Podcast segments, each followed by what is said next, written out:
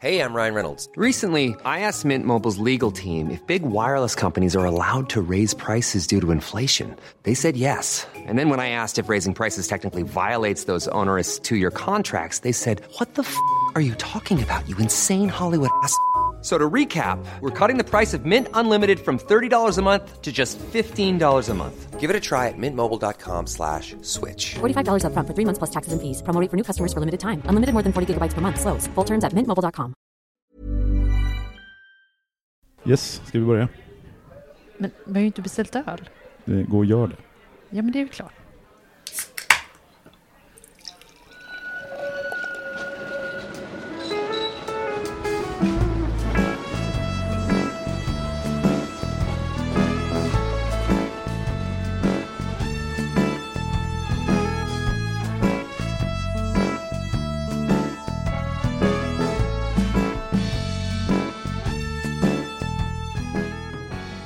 Hej och välkomna till Gator och torg i Göteborg.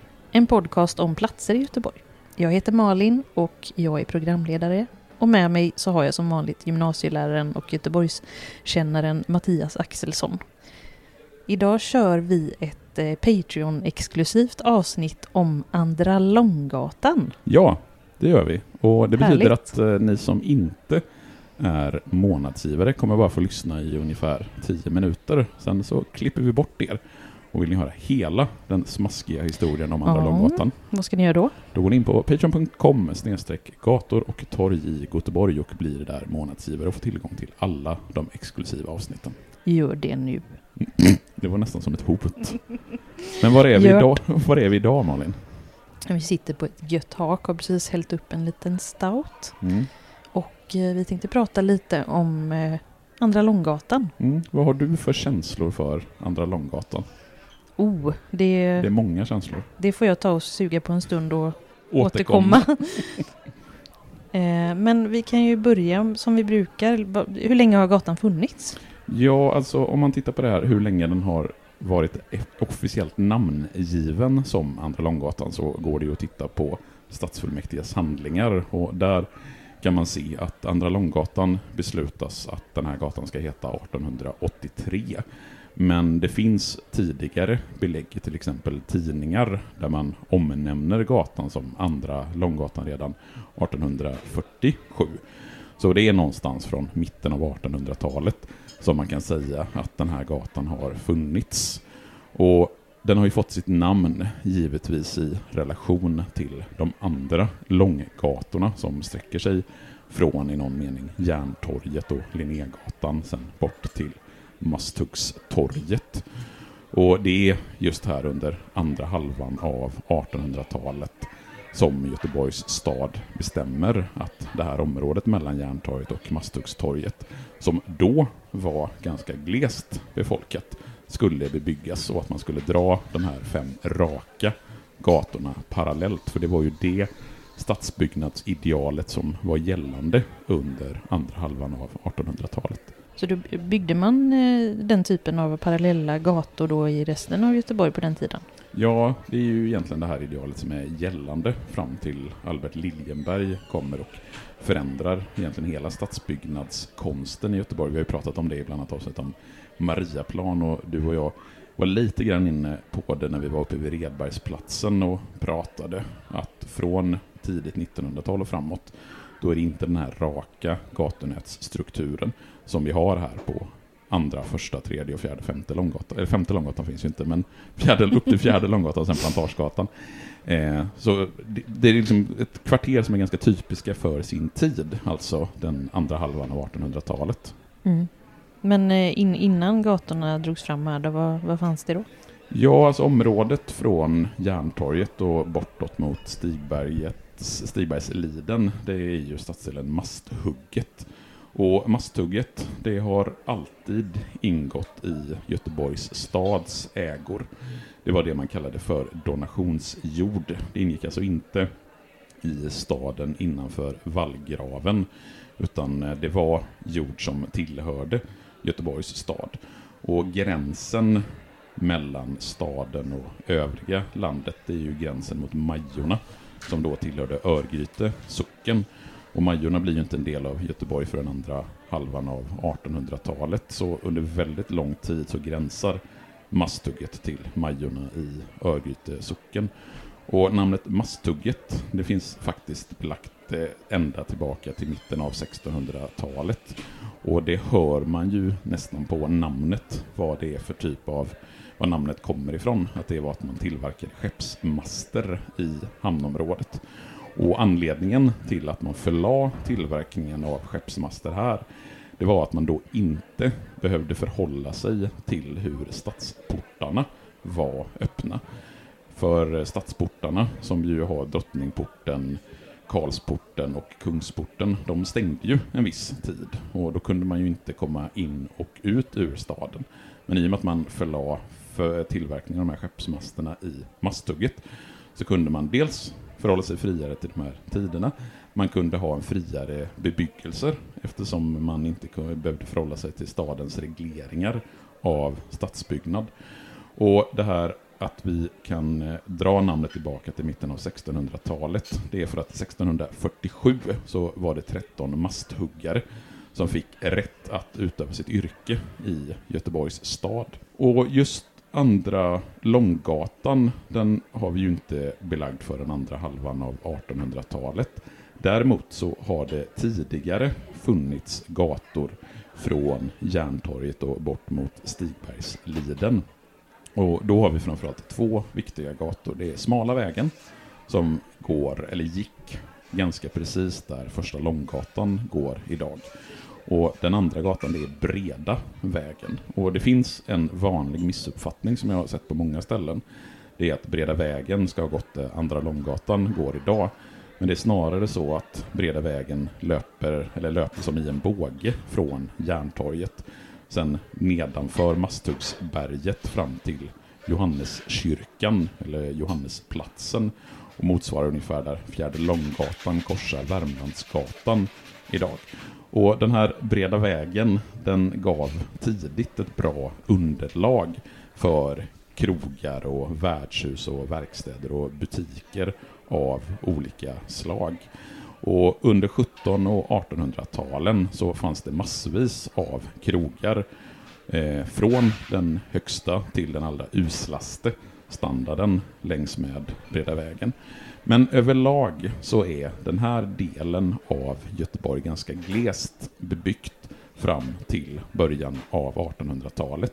Det finns en del långsmala egendomar där olika handelsmän med anknytning till hamnen odlar och det finns en del bostäder längs med Breda vägen. Så det är egentligen först på 1800-talet som Andra Långgatan växer till sig så att säga. Hey, it's Paige DeSorbo from Giggly Squad. High quality fashion without the price tag. Say hello to Quince. I'm snagging high-end essentials like cozy cashmere sweaters, sleek leather jackets, fine jewelry, and so much more. With Quince being 50 to 80% less than similar brands. And they partner with factories that prioritize safe, ethical, and responsible manufacturing. I love that. Luxury quality within reach. Go to quince.com slash style to get free shipping and 365 day returns on your next order. Quince.com slash style. Burrow is a furniture company known for timeless design and thoughtful construction and free shipping. And that extends to their outdoor collection.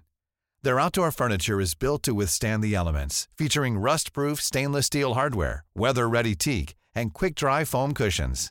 For Memorial Day, get 15% off your Burrow purchase at burrow.com slash ACAST and up to 25% off outdoor.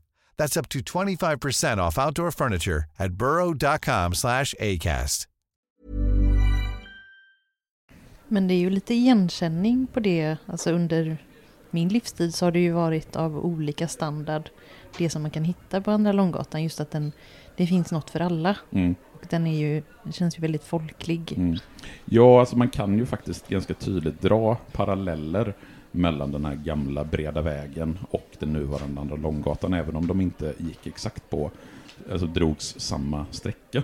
Så just det här kroglivet har egentligen alltid funnits i den här delen av staden. Mm. Men eh, när är det de växer fram, de här långgatorna? Ja, det är ju på 1800-talet. Vi har i början av 1800-talet, den 12 augusti 1821, en våldsam eldsvåda i en av kajerna i Masthugget.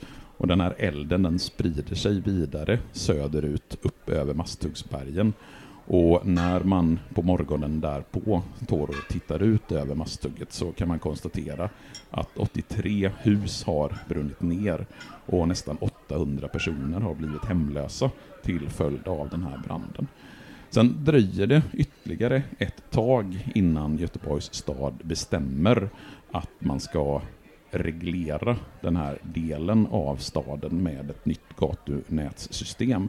1861 så beslutar man att det ska byggas fem raka gator från Järntorget och Linnégatan bort mot Masthugget. Och det är ju då första, andra, tredje och fjärde Långgatan samt Plantagegatan som ska tas fram. Men då tänker jag också att man, man rev en massa andra hus på den tiden då också för att kunna Eh, förverkliga den här planen. Ja, för även om mycket hade brunnit ner i den här branden på 1820-talet så hade man beby bebyggt området med tillfällig bebyggelse. Och det man behöver göra när man drar fram de här nya gatorna, det är ju att man, precis som du säger, river all gammal trähusbebyggelse.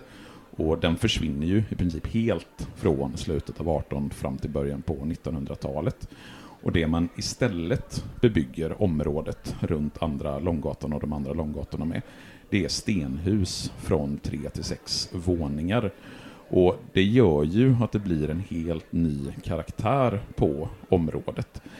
Det är också så att området bebyggs under en ganska lång tid, alltså flera decennier går innan man har bebyggt hela området färdigt, vilket gör att området runt Långgatorna är byggt i helt olika stilar. Vi har ljusa nyrenässansbyggnader, vi har byggnader i nationalromantisk stil, i eh, de husen som är från sekelskiftet så är det ganska mycket små, låga verkstadsbyggnader. Men förutom att man har ett gatunät och kvartersavgränsningar så fanns det ingen specifik planering för bebyggelsestrukturen vilket resulterar i att det blir tätbebyggda fastigheter med små gårdar bakom gatubyggnaden så man bygger väldigt, väldigt tätt redan från början när man bebygger det här området i slutet av 1800-talet.